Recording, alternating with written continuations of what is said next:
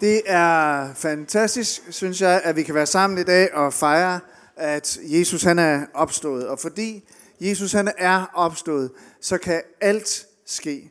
Øh, og fordi Jesus er opstået, så kan vi vente det uventede.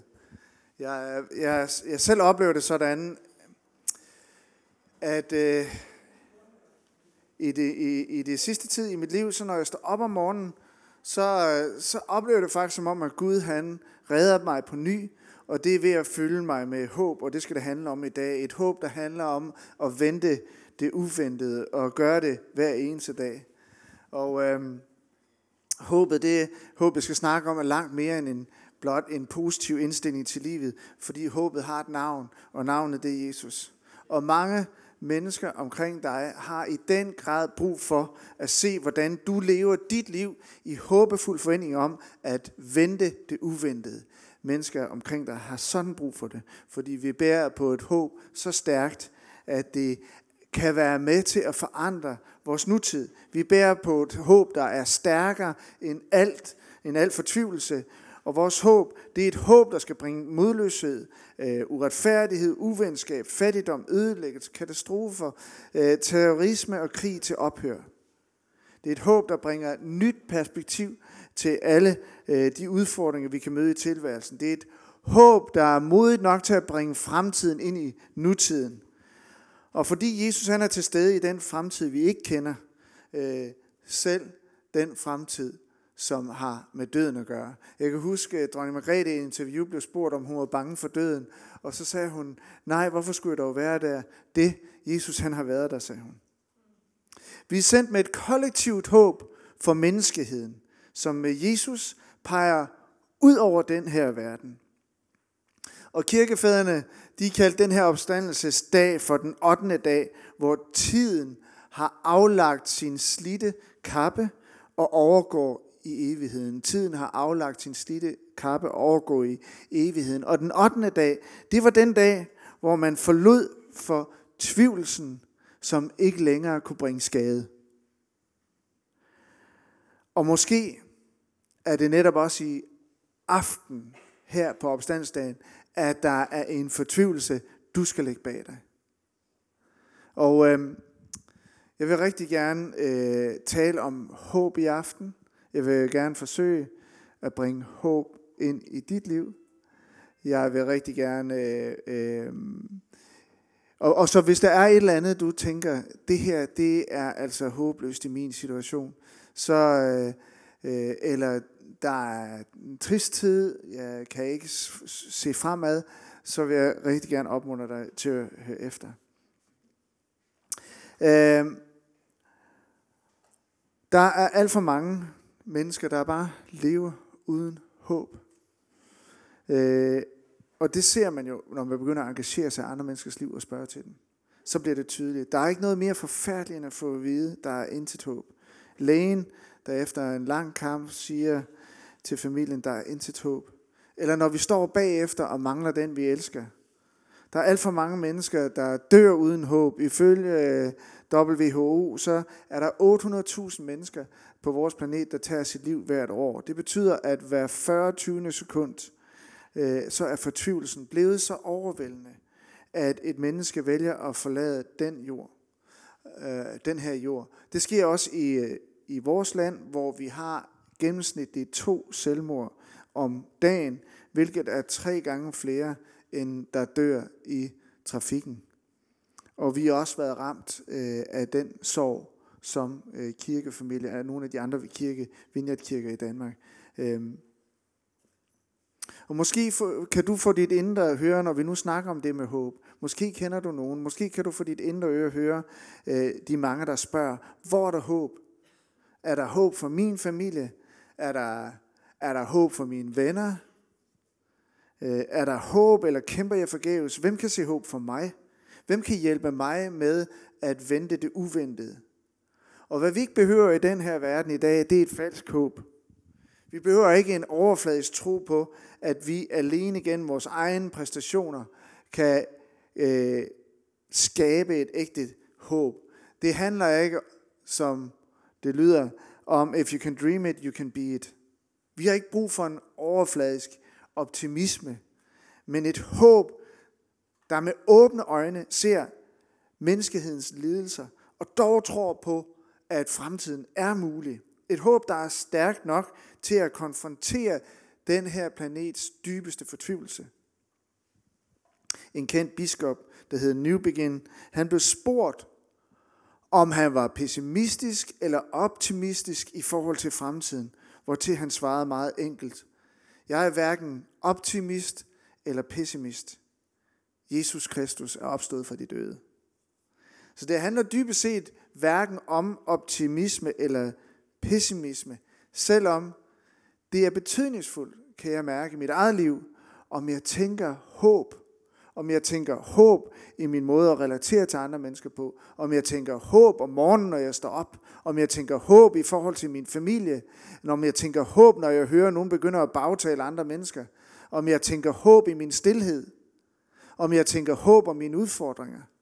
Det betyder i den grad noget. Men når alt kommer til alt, så handler det om langt mere end en positiv over for en pessimistisk indstilling. Det kommer ned til, om Kristus han er opstået eller ej. Er han opstået for de døde, så er han også det håb, og kan ikke være andet. Det håb, som hele verden venter på. Hele skabningen den står på tær efter det øjeblik, hvor den samme opstandelseskraft skal feje hen over alt og alle og fylde jorden med Guds herlighed, som vandet dækker havbunden.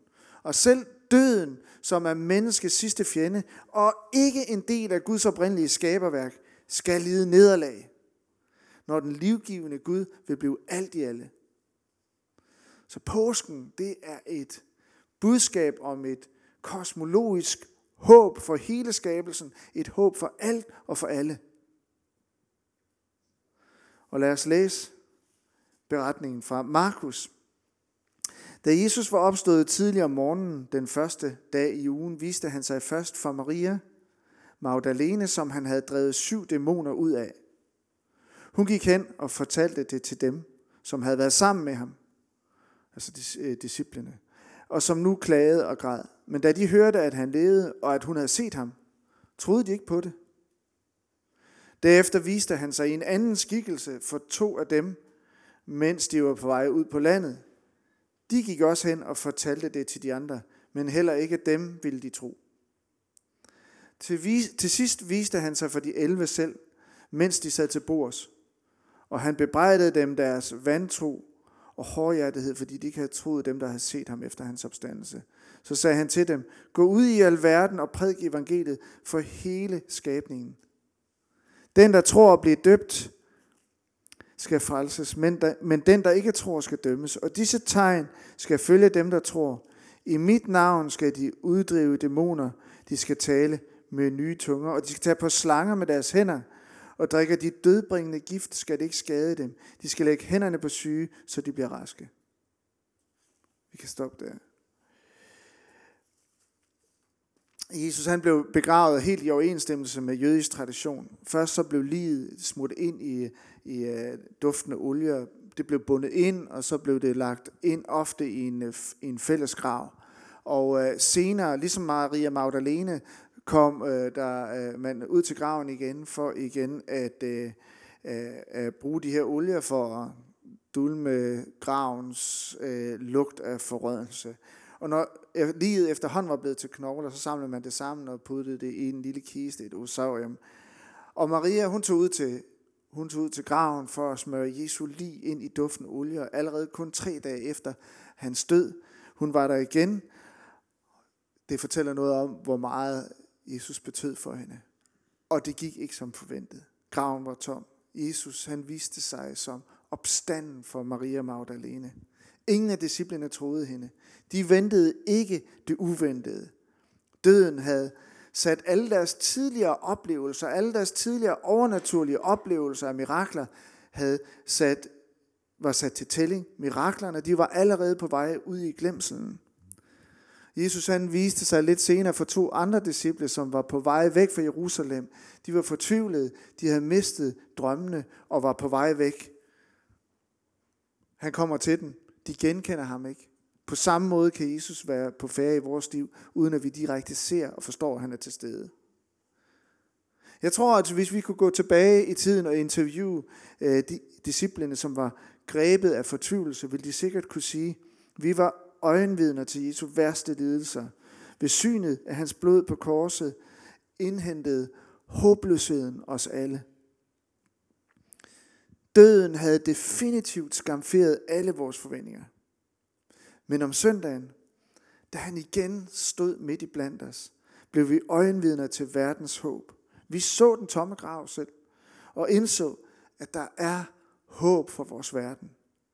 Håbet bor igen i os. Et håb stærkere end døden. Vi kan igen vente det uventede. Håb er kommet til byen. Så i døden, så bøjede himlen sig i Jesus ned mod os med sårede hænder. Og i opstandelsen, så møder vi igen den Gud, vi selv havde forvist. Han står igen foran os, og han kalder os ved navn. Til alle os, som tvivler, siger han, vent det uventede. Til alle os, som er blinde, modtag det, du endnu ikke ser. Til alle os, som er skeptiske, tro på det, I hører.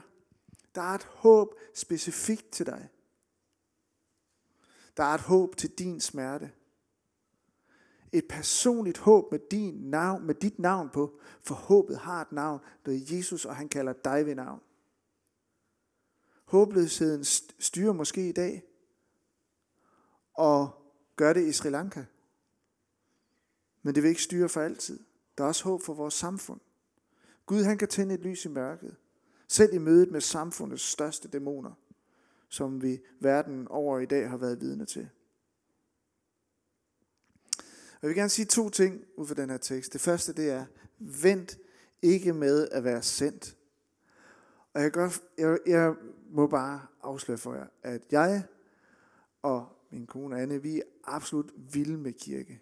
Vi elsker kirke. Jeg voksede op i en lille, meget traditionel kirke, og det var måske ikke særlig spændende, men det var en stor familie. Og for mig giver kirke mening, når vi er familie, når kirke spiser sammen, når vi fejrer nadver sammen, når vi sammen tilbeder, når vi opmunder hinanden, når vi beder for hinanden, så giver det mening. Men min tro, det skal ud over stepperne. Jeg kan i den grad, øh, jeg føler virkelig og oplever Gud, han udfordrer mig til at bringe et livgivende og håb over alt, hvor jeg færdes. Det her, det vil slet ikke være nok. Her kommer vi lige sammen om søndagen. Her kommer vi lige sammen i netværksgrupper. Men det er alt sammen for at være sendt, både til family time, når vi går i plan A, ud i fængsel, men ikke bare nogle projekter, men, men som livsstil. At vi bringer håb som livsstil. Og når man gør det, når man, når man forsøger at bringe håb over alt, hvor man færdes, så giver det i den grad mening at mødes om søndagen og blive styrket i sit håb. Så giver det i den grad mening at blive styrket i, i, i en netværksgruppe, og du er så velkommen. Og det er netop i det helt almindelige og ordinære hverdagsliv, vi er kaldet til at gå ud og bringe håb. Og det kan vi gøre ved at leve vores liv generøst. Vi kan leve det radikalt ud af vores komfortzoner. Vi kan leve det kreativt. Vi kan leve, leve det øh, modigt. Et rigtig godt spørgsmål, som jeg har hørt nogen øh, formulere, det er, hvis du kunne bede Gud en ting hvad, øh, gøre for dig, hvad vil du bede ham om? Stil spørgsmålet radikalt og passioneret med bevidstheden om, at Gud han er med os, Gud han er for os, Gud han er i os. Vores fokus her i kirken har siden sidste sommer været tjen vores nabo. Og det er for os en måde at sætte fokus helt konkret på det, vi ønsker med kirken. Vi ønsker nemlig at involvere os i at gøre en forskel i København. Og det tror vi på, at vi gør. Og endda i hele Danmark ved at plante kirke. Vores gæstfrie hjem, hvad enten man bor på kollegeværelse eller øh, hvor du end bor, det er en kæmpe gave for Gud og kan sprede det største håb i andre mennesker. I dag så vil jeg gerne pege på, hvordan vi kan bringe vores håb videre på arbejdsplads eller på studiested. Fordi jeg tror, der er rigtig mange, der oplever, at det er svært at skabe sammenhæng mellem tro og arbejde, eller tro og, og studie. Og vi kan nemt ende, op i en, øh, nemt ende ud i en opdeling af tro og arbejde. Øh, alt imens Gud er i færd med at møde de mennesker, du færdes med i det daglige, og ønsker at engagere dig i det møde. Og så tror jeg også, vi kan have en eller anden forestilling om, at hvis vi en dag virkelig skulle tage os sammen og for alvor udleve vores tro, altså virkelig leve den ud i alle hjørner af vores eget liv, og i den verden, vi finder, befinder os i, så ville det nok kræve, at øh, jeg havde en lidt mere eksotisk kontekst end mit daglige arbejde eller studiested. Der skulle ske et eller andet radikalt, for at jeg kan leve min tro ud. Og det er jeg ikke så sikker på. Paulus han siger, så formaner jeg jer, der er brødre og søstre, ved Guds barmhjertighed, til at bringe jeres lægemer som et levende og helligt offer, der er Gud til behag. Det skal være jeres åndelige gudstjeneste. Og Paulus han mener, at vores åndelige gudstjeneste, det indebærer altså, at vi stiller alt til rådighed for ham, overalt hvor vi færdes, med alt hvad vi er. Arbejdspladsen eller studiestedet ikke undtaget. Dit job er din gudstjeneste, dit studie er din gudstjeneste, ligesom din nabo er din gudstjeneste. Selvom jeg er virkelig stolt af det frivillige stabsarbejde, vi har her i kirken. Hver fredag, der er vi en gruppe mennesker, der mødes og giver en dag om ugen. Vi koordinerer med studier eller går ned i arbejdstid på en eller anden måde, for det til at hænge sammen. Og der vil vi rigtig gerne udleve sammen og udforske, hvad vil det sige at forandre København, dybest set. Så det er det, vi giver en dag om ugen til. Jeg vil gerne give invitationen videre til dig. Og hvis du skulle have lyst til at være med i det, så kom og snak med Anne eller jeg eller Christoffer eller en af de andre, der er engageret i det. Det er så spændende og livgivende, og det har været med til at forandre Danmark. Ud af det miljø, vi har om fredagen, så er der kommet en masse kirkeplanter og øh, syv nye kirker i Danmark. Og selvom jeg er stolt over at invitere til det, så vil jeg gerne pointere, at vi ikke tages ud af vores arbejde, hvis vi skal følge Jesus, men vi sendes til vores arbejde, involveret i alverden. Og det er vores vision som København Vineyard. Det er din dagligdag, når du følger Jesus. Det er det, vi vil. Det er det, vi mener, når vi siger, at vi vil involvere os. Vi flygter ikke, men vi involverer os i vores job. Og hvis vi skal bringe håb i alverden, som Jesus han siger, så betyder det, at vi må involvere os over alt, hvor vi færdes. Gud leder os, og med vores hjem, så tjener vi naboerne, og på vores arbejdsplads, der tjener vi kollegerne. Håbet, det udfolder sig ikke kun her ved gudstjenester i netværksgrupper, men lige præcis i dit møde med dine kolleger, i indkøbscenteret, i kontoret, universitetet, der hvor du netop har mulighed for at vise andre mennesker, hvad håbet betyder for dig, så er du ved at briste og flyde over med håbet i Jesus. Er du det?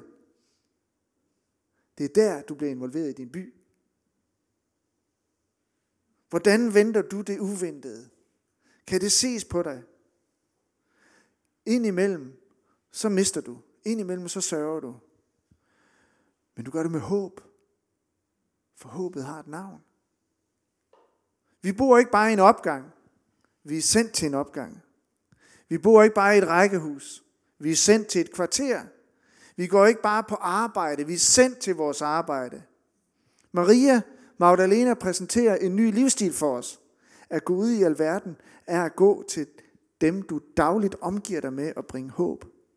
Og vores opgave er resten af det liv gå fra graven, fra den tomme grav, til alverden med håb. At være involveret i alverden betyder, at vi alle vegne og i alle situationer siger, vis, dig, vis mig dit mismod, og lad mig vise dig mit håb. Der er håb til et hvert mismod, du møder i alverden. Der er håb til enhver situation. Det kan godt være, at du bliver mødt med skepsis. Det kan godt være, at du vil møde reaktioner hvor mennesker, synes, du er ikke realistisk. Og de nærmeste vil måske endda sige, at du ikke tager det alvorlige, alvorligt nok. Men lad mig lige stå op her og så spørge dig, hvilket mismod står du overfor lige nu i dit eget liv? Måske har du noget, der fylder din hverdag, som øh, skaber mismod, som kvæler håbet, som gør, at du om morgenen ikke kan stå op og blive reddet på ny af håbet i Jesus Kristus. Hvem, hvem i din verden er ramt af mismod? Regn med, at du er den, der er sendt til deres verden med håb. Det er i dine hverdagsbegivenheder, du skal gå på opdagelse og bringe håb. Det er midt i det almindelige liv. Anna og jeg, vi er ret så ofte på hospitalet. Og når vi kommer ind til en eller anden øh, øh, ting, vi skal ind til, så tænker jeg altid, så tænker jeg altid, hvem sender du os til i dag? Hvem sidder der her i det her venteværelse og begynder at bede over, måske skal jeg bringe liv og håb til nogle af dem, der sidder her? En mand, der sad og græd, kunne bringe håb til ham. Øh, en kvinde, som sad øh, med sin mor, der var til noget, øh, som var vældig syg, hvor vi fik samtale, fik lov at fortælle om Jesus, og fik lov at bede for den, bede for, at moren må blive rask. Når jeg går på hospitalet, så er det da helt naturligt for mig at tænke, hvem skal jeg bringe håb til her? Det er det, jeg lever for. Flemming, vis mig din tro. Ja, jeg kommer kun om søndagen, og så er det ligesom min anden dag, og så har det ikke ret meget med resten af ugen at gøre. Det der, ja. Vi går ikke den vej. Jeg vil bare sige, at det her, det giver mening, når vi bringer håb, og ikke uden. Forleden aften, så tænkte jeg også, hvordan kan jeg så, forrige søndag, da jeg var på vej hjem fra gudstjeneste, hvordan, hvordan kan jeg så, hvordan kan jeg bringe håb her i mit kedelige pendlerliv fra Farum til Frederikssund, ikke? Og pludselig, så der midt ude på landevejen, så høvler en ung mand rundt i mørket, og jeg stopper op og får lige en forklaring på, hvad der er sket, og politiet har så taget hans bil, og han boede i en eller anden landsby længere ude, og vi fik lov at køre ham hen, og den unge mand, han var så glad at begynde at fortælle om hans liv, og hvad han har været igennem, og jeg fik lov at velsigne ham til sidst, og bede for ham. Og han blev ved med at snakke om, må, må, må, må der ske dig noget godt for det gjort, du har gjort for mig. Og jeg tænkte bare, hvis du virkelig beder om, at du må få lov at bringe håb, så kan du komme til at gøre det i enhver situation. Ud af starthullerne. Jeg vil så gerne opmuntre til at integrere din åndelige rejse, dit job eller dit studiested. Din relation med Gud og din relation med verden. Du skal ikke bare overleve dit job eller dit studie. Du skal forvandle det. Du er ikke bare ansat i en stilling. Du er kaldet til at bringe håb og vente det uventede. Uanset hvor du er, uanset din situation. Du er ikke alene om at møde ind på din arbejdsplads. Involveret i alverden, så kan vi vente det uventede og bør forvente, at Guds nærvær også kan fylde din arbejdsplads eller dit studiested. For Gud er på arbejde, på dit arbejde. Det andet, jeg vil sige, det er, vent ikke på Jesus. Jeg har været troende i mange år, og jeg brænder efter. Øh, I eftermiddag har vi fået nye øh, bekendte i vores landsby, og inviteret dem hjem. Jeg elsker det. Men nogle gange er Jesus en lille smule bagefter. Lad være med at vente på Jesus. Hvis Gud han skal lede dig, så er du simpelthen nødt til at bevæge dig, som en af mine venner i netværksgruppen sagde i forrige uge. Prøv at høre, hvad, der, hvad vi læste. I opstandelsberetningen så stod der, men de drog ud og prædikede alle vegne. Og Herren virkede med. Og han stadfæstede ordet med de tegn, som fulgte med. Du kan ikke, altså selvom det er fantastisk at sidde hjemme og læse i Bibelen og, og, og bede, og det vil jeg opmuntre alle til at gøre, altså, ellers så løber vi jo tør. Det er der, der troen styrkes. Men vi kan ikke bare blive siddende der og vente på, at Gud han åbner dørene. Du skal heller ikke vente på, at Gud han først åbner dørene for dig. Så nu kan du gå ind, og alle venter på, at du skal komme og fortælle om Jesus. Nej, du skal sparke dørene ind og forvente, at Helligånden følger med. Det kan nemt blive noget religiøst fnider, hvis vi tænker, at Helligånden altid skal gå foran os, og vi skal se det, at Helligånden går foran os. Det kan let blive en overspringshandling hjemme i lænestolen at fantasere over, hvad vil det sige at være ledt af Helligånden? Ja, prøv at bevæge dig ud, så skal du se. At være ledt af ånden, det er at være involveret i alverden og at vente det uventede. At være ledt af ånden, det er at sparke døre ind. Helligånden forventer, at du sparker døren ind. Gå ind først, og så følger Helligånden måske efter. Og jeg ved godt, det lyder helt forkert, men dig først, og så Jesus. Bak døren ind, gå ind ad døren, og Helligånden gå ind med dig. Og vi skal passe på, at vi ikke bliver så overordentlige og overforsigtige, og have så mange åbenbaringer, så vi aldrig kommer afsted, og det hele kun bliver ved forberedelserne.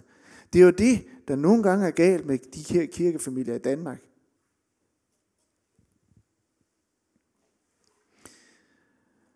at håbet det ikke kun er noget, vi snakker om her. Læg mærke til rækkefølgen, men de drog ud og prædikede alle vegne, og Herren virkede med. De drog ud, og de prædikede håb, og Gud virkede med.